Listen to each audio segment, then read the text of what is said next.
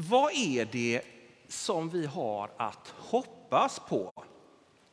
Vi brukar ofta prata om himlen som en plats som är alldeles fantastisk, där det inte finns något lidande utan bara glädje, där allt är helt, där alla är hela.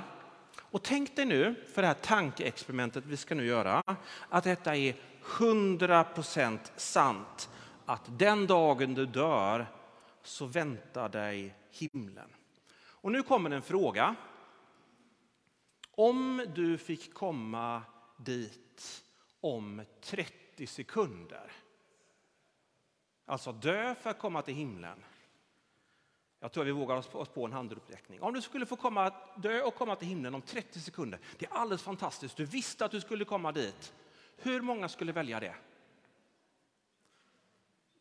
Ja, kanske. Det finns en viss tvekan. Majoriteten vill inte det.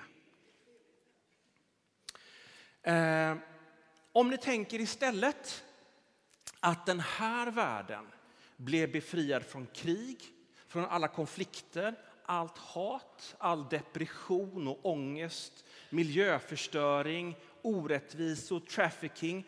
Att den här världen blir fylld enbart av kärlek, rättvisa, skönhet. Inga lås behövs på husen, ingen polis, inga vapen. Du blev fullkomligt frisk. Din kropp blev som en 20-årings. Du kan gå ut och dricka här i, i, i bäckarna utanför därför att allt vatten är ju rent. Du är full av energi, du har en fantastisk familj och gemenskap. Du är utvilad, underbara, underbara vänner. Om det skulle bli så om du tryckte på en knapp om 30 sekunder, hur många skulle trycka på den knappen då? Nej, inte alla, men fler än de som ville komma till himlen.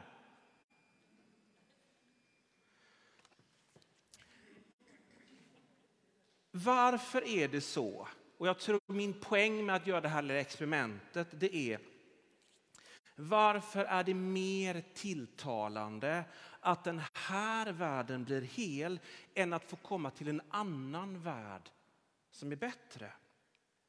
En del av svaret är säkert att himlen känns abstrakt och otydlig medan vi vet vad vi har men inte vad vi kommer att få. Men jag tror inte att det är hela försvaret. I Bibelns skapelseberättelse skapar Gud människan och människa på hebreiska som Gamla testamentet är skrivet på är Adam. Eh, och jorden som man står på eh, heter Adama. Vilket gör att en mer bokstavlig översättning av människa skulle vara jording. Det finns faktiskt en del engelska översättningar som översätter med earthling. Alltså människans identitet är oupplösligt sammanflätad med denna världen. För den här världen är vårt hem. Vi är earthlings, vi är jordingar. Jag brukar alltid tycka det är skönt att börja varje föredrag med att be och jag tänker att även om föredraget hållit på ett par minuter så stillar vi oss och sen så ber vi tillsammans. Tack Gud att du är levande och verksam. Tack att du har skapat oss var och en till din avbild. Tack att du vill andas liv in i oss. Vi ber att det här föredraget skulle få förmedla dig själv in i våra hjärtan och själar så att vi fick hopp för oss själva och världen. Låt oss få se någonting mer av dig och det liv som finns i dig för oss, för världen. I Jesu namn. Amen. Hoppet i Gamla testamentet. Eh, Bibeln beskriver det så att världen den har gått sönder på grund av att människan har vänt Gud ryggen för att vara sin egen Gud. Bibeln beskriver det så att marken bär, bär törne och tistel på grund av människan. Men Bibeln och Gamla testamentets profeter kommer hela tiden tillbaka till hoppet. Gud har inte övergivit människan och sin värld. Och hoppet i Gamla testamentet kan sammanfattas på lite olika sätt, men jag har valt nio olika facetter på en, som på en ädelsten. Och vi ska titta på dem, bara springa snabbt igenom dem. Det första är syndernas förlåtelse. Det andra är befrielse från fångenskap och betryck från onda makter. Det tredje, ett nytt hjärta där människan är god inifrån och ut så att hon både vill och kan göra det som är i linje med Guds eget hjärta. Kärlek, rättvisa och skönhet. Att Guds livgivande närvaro fyller världen vilket leder till att Gud regerar över världen och fyller den tillvaron med kärlek, rättvisa och skönhet. Och det innebär att skapelsen upprättas. Människan får nya kroppar för att leva i Guds upprättade värld. Guds folk blir ett ljus för alla andra folk. Därför Guds folk utvidgas där alla andra folk nu är inkluderade och råder tillsammans över världen genom Messias, genom Kristus. Det här är så som det hoppet beskrivs och lyfts fram sammantaget i det vi kallar Gamla testamentet. Ett begrepp som sammanfattar alla dessa facetter är ordet, begreppet Guds rike.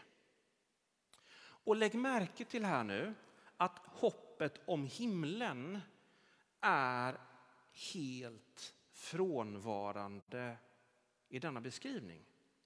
Hoppet om himlen är nästan icke-existerande i GT, Gamla testamentet. Det finns några verser, men till största delen syns det inte där.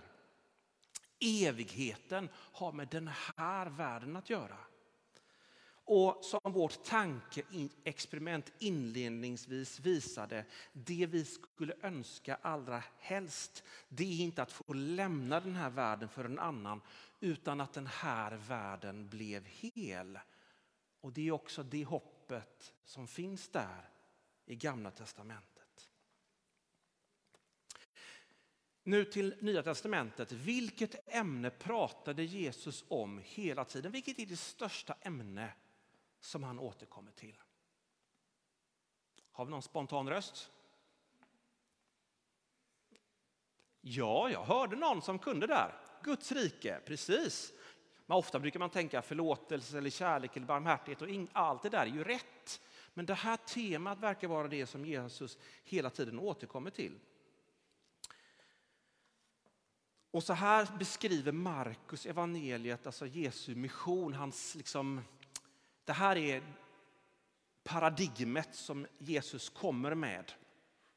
När Johannes hade blivit fängslad kom Jesus till Galileen och förkunnade Guds budskap och sa Tiden är inne, Guds rike är nära. Omvänd er och tro på budskapet. Guds rike är det som Jesus både undervisar om, demonstrerar med sina gärningar. Och Det innebär att Jesu lärjungar och, de, och alla andra de förväntar sig en upprättelse av den här världen. Guds rike är något politiskt, något socialt, personligt, synligt och andligt som Messias, kungen, skulle komma med. Det här innebär att Jesu död, Messias död, är fullständigt obegriplig att förstå och ta in för lärjungarna. Sedan gick han därifrån och vandrade genom Galileen. Han ville inte att det skulle bli känt eftersom han höll på att undervisa sina lärjungar. Han sa, Människosonen, syftar på sig själv, skall överlämnas i människors händer och de kommer att döda honom och tre dagar efter sin död skall han uppstå. Men de förstod inte vad han menade och vågade inte fråga. Det var utifrån vad Guds rike är i Gamla testamentet fullständigt obegripligt att Messias skulle dö. En död Messias kan inte vara Messias. Varför då? Jo, det innebär ju att om han blir korsfäst och dödad av ett annat ondskefullt imperiums kung och kejsare, då blir han ju besegrad av de makter som han var satt att befria Guds folk, världen och skapelsen ifrån. Vi kan jämföra det med att det finns ingen människa som skulle tro att Magdalena Andersson är statsminister eftersom hon förlorade valet och de facto inte lägger fram budget och stiftar lagar. Det finns någon annan som är statsminister. Om, vi, om någon skulle kunna komma och säga om jag upplever att Magdalena Andersson är statsminister för hon är det i mitt hjärta.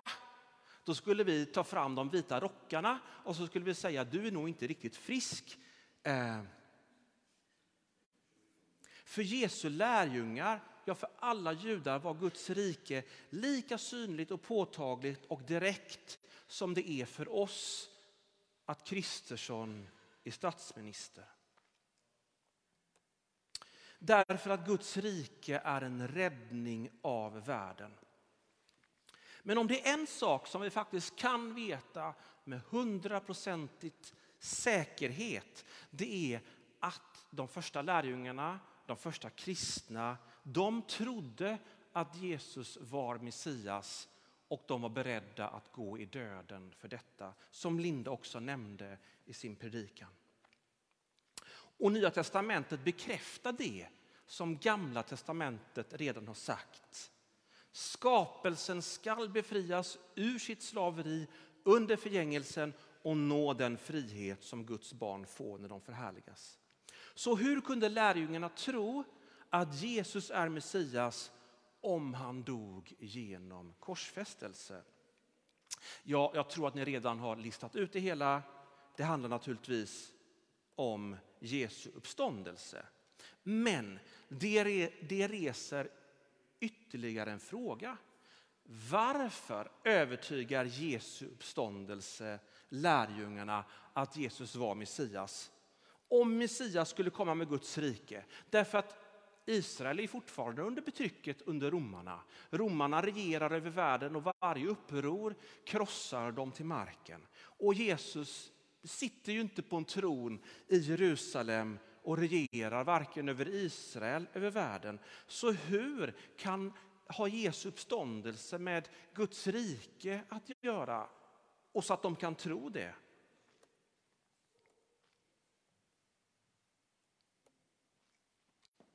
Jo, därför att människan är en värld i miniatyr, ett mikrokosmos. Jag ska förklara.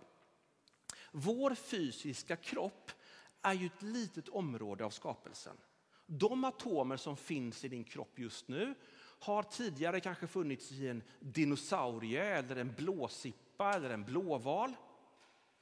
Eh, vår kropp är en organisk del av den fysiska världen. Så vi människor vi är ett ting.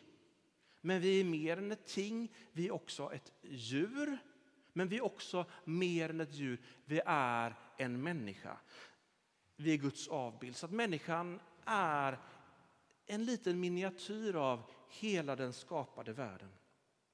Och när en människa befrias från synd, död och ondska och blir upprättad och hel, då är det ju en liten miniatyrdel av den här världen som helats. Det fysiska, det djuriska och det mänskliga. Människan är en värld i miniatyr. Med andra ord, när lärjungarna möter den uppståndne Jesus, äter med honom, känner på hans kropp, så tar de på en liten miniatyr av den här världen där Guds rike har kommit helt och fullt. Lärjungarna kan se med sina ögon, ta på med sina händer på Guds rike. Guds rike finns i sin fullhet i den uppståndne Jesus. Ja, Guds rike är Guds rike i en person. En liten illustration. Föreställ er att de allierade har lyckats skapa ett ointagligt fäste, en ambassad i mitten av Berlin 1940. En plats där mänskliga rättigheter och demokrati råder, där det finns mat och läkedom. En plats som man kan liksom fly till, komma till för att hämta kraft, för att få liv, för att kunna gå ut och kämpa den goda kampen. Och Hitler-Tyskland kunde sända hela sin armé mot denna ambassad men inte ens en skråma på dess murar skulle åstadkom kunna åstadkommas. Om en sådan ambassad fanns så skulle alla veta att segern i en meningen var vunnen, vunnen och implementerad åtminstone på en plats helt och fullt även om det inte hade spridit sig till resten av Europa. Lärjungarna ändrar alltså inte sin övertygelse om att Guds rike helar den här världen. Vad som ändras är hur Guds rike kommer. Och det är detta som Jesu undervisning om riket ofta handlar om. Han lät dem höra en annan liknelse. Himmelriket är som ett senapskorn som en man sår i sin åker. Det är det minsta av alla frön. Men när det har växt upp är det större än alla örter och blir till ett träd så att himlens fåglar kommer och bygger bo bland grenarna. Riket börjar som ett litet frö och detta frö är Jesus och det ska bli ett stort träd. Och det är mycket större än vad det var när det var tolv lärjungar. Nu finns ju Jesu efterföljare som har satt avtryck på den här världen runt hela vår jord. Och eftersom att lärjungarna kan se Guds rike hade kommit i Jesu person så kan de tro att Jesus är Messias även om världen fortfarande är i kaos. Utöver detta så kan vi också säga att en av förväntningarna på eh, Guds rike var ju att de döda skulle uppstå. Men det man trodde var ju att Guds rike, eller Guds folk skulle uppstå in i Guds rike tillsammans för att leva i Guds upprättade värld. Och det är inte det här som förändras, utan hur det skulle ske. Och det här ser vi tydligt i en av Paulus brev. Liksom alla dör genom Adam så skall alla också få nytt liv genom Kristus. Men i tur och ordning. Först Kristus och därefter vid hans ankomst de som tillhör honom. Det är alltså inte att Guds folk ska uppstå in i Guds rike som förändras utan hur Guds folk ska uppstå. Messias först, sen resten. Först en liten del av skapelsen, sedan resten. Det är inte vad som ska ske utan hur det ska ske som de behöver förstå på ett nytt sätt. En summering av det vi har sagt hittills.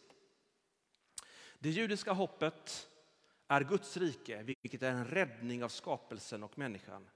En död Messias kan inte vara Messias eftersom han dog under de makter som han skulle rädda människan och världen ifrån. Lärjungarna dog för övertygelsen att Jesus var Messias. Jesu uppståndelse är den enda logiska förklaringen till lärjungarnas övertygelse att Jesus var Messias eftersom lärjungarna kunde se att Guds rike hade kommit genom Jesu uppståndelse om än begränsat till Jesu person. För varje människa är ett mikrokosmos. Det finns alltså goda intellektuella skäl att tro att Jesus har uppstått. Vilket innebär att det finns goda intellektuella skäl att tro att den här världen inte kommer att gå under utan räddas, helas och upprättas. Men nu då? För oss här och nu. Marta och Maria har en bror som heter Lazarus. Lazarus dör. Jesus kommer till byn Betania, tre kilometer nordväst om Jerusalem. Och så händer följande. Marta sa till Jesus, Herre, om du hade varit här hade min bror inte dött. Men jag vet ändå att Gud ska ge dig vad du än ber honom om. Jesus sa, din bror kommer att uppstå. Marta svarade, jag vet att han ska uppstå vid uppståndelsen på den sista dagen. Då sa Jesus till henne, jag är uppståndelsen och livet. Den som tror på mig ska leva om han än dör och den som lever och tror på mig ska aldrig någonsin dö. Tror du detta? Hon svarade, ja Herre, jag tror du är Messias, Guds son, han som skulle komma hit till världen. Här ser vi ju hur Marta ger uttryck för den judiska tron att de döda de ska uppstå tillsammans den sista dagen. Men jag tycker i alla fall att jag hör en annan, något annat mellan raderna. Nämligen, ja, jag tror visserligen att det är så, men det är nu som jag saknar min bror. Det där ger inte mig hopp här och det känns så avlägset. Ja, ja, det ska ske. Men nu då? Det är nu som livet gör ont. På ett liknande sätt så kan vi ha en intellektuell övertygelse om att Jesus uppstått. Eller vi kan förstå att det finns goda skäl, men det går inte in i mitt hjärta och förändrar mitt liv här och nu. Jesus säger inte om du tror på mig kommer du att se att jag är uppståndelsen och livet vid min återkomst. Han säger jag är uppståndelsen och livet. För att de goda argumenten ska övertyga behövs det mer än de intellektuella argumenten. Vi behöver själva få ett möte, ett personligt möte med den uppståndne Jesus. Jesus säger att han är, inte kommer att vara enbart, utan är, alltså här och nu, uppståndelsen och livet. Vi behöver alltså inte bara vänta. Vi kan redan nu erfara det som är vårt hopp. Guds rike i mötet med Jesus eftersom Jesus är Guds rike i en person. Vi har inte en ambassad i mitten av Berlin att springa till för att erfara och omslutas av den kommande segern. Eftersom Jesus har uppstått... Ska vi se? Va? Där ser man. Där tog det slut. Ja, ja, ja så kan det vara. Då får jag läsa till. Paulus skriver i Andra Korinthierbrevet 5.17. Den som är i Kristus, ni kan släcka ner den där så att den inte stör oss. Den som är i Kristus är alltså en ny skapelse. Det gamla är förbi, något nytt har kommit. Vi har inte en ambassad, men framförallt Paulus säger att Jesus är på ett sätt vår ambassad. Vi kan vara i honom, innesluten av honom. Han är vårt trygga hem. Och när vi är omsluten av honom blir vi en del av den kommande och upprättade världen. Den som är i Kristus är en ny skapelse. Att vara i Kristus det är att vara förenad med honom. Han är i mig och jag i honom. Och Detta är ett ömsesidigt omslutande. Han är i mitt hjärta, jag är omsluten av honom så att det som är sant om honom nu blir sant om mig. Även jag har så att säga passerat genom döden och kommit ut på andra sidan. Jag har mitt verkliga fäste, min djupaste identitet på andra sidan döden. Alltså det som kommer efter livet efter döden, nämligen uppståndelsen. Ja, det var klurigt va? Alltså det som kommer efter, direkt när vi dör så väntar ju oss himlen. Men det som väntar oss efter himlen är ju uppståndelsen. Så vi har vårt fäste i alltså det som kommer efter livet, efter döden, nämligen uppståndelsen. Ja, fattar. Och eftersom Jesus har uppstått så har vi hopp. Eftersom vi har goda intellektuella tro att Jesus har uppstått har vi goda skäl att tro följande. Att Gud ska göra samma sak för oss och för världen som han gjorde när han uppväckte Jesus från de döda. Jag säger det en gång till. Vi har goda skäl att tro att Gud ska göra för oss samma sak som han gjorde för Jesus när han uppväckte honom från döden. Det innebär samtidigt att vi har ett levande hopp. En person, Jesus Kristus, som är hos oss här och nu. Framtidens hopp är någonting vi får omslutas av genom att vara i Kristus. Om vi människor får drömma och hoppas så är det inte att få dö och komma till en annan plats. Vi vill leva i den här världen och vi önskar i våra hjärtan att den här världen ska bli läkt och fylld med kärlek, rättvisa och skönhet och vi tillsammans med den. Vi vill detta därför att vi är jordingar, vi är earthlings. Den här världen är vårt hem. Vår kroppslighet är en del av det vi är och vi är en oupplöslig del av skapelsen. Och denna önskan är också det som är Guds löfte till oss. Gud har visat att han ska upprätta den här världen eftersom han redan har börjat när han uppväckte Jesus från de döda. Guds rike är redan här som ett senapskorn, som ett frö. Detta frö är Jesus. Och redan nu blir vi en del av den kommande världen i Kristus. När han lever i oss och vi i honom. Och vi kan erfara effekterna av Guds rike i våra liv. När vi blir mer fria från de makter som förslavar oss. När vårt hjärta formas av Jesus. När vi erfar kraften i förlåtelsen. När vi ledda av Guds ande skapar skönhet i våra hem i musik, kultur, när vi erfar glädjen i att avstå överflöd för skapelsens skull. När tron på Jesus når andra genom oss. När vi får hjälpa våra medmänniskor att sluta fred. När vi får erfara Guds närvaro. När vi som den här förmiddagen få tillbe Herren tillsammans i Kristi kyrka. Vi ber tillsammans.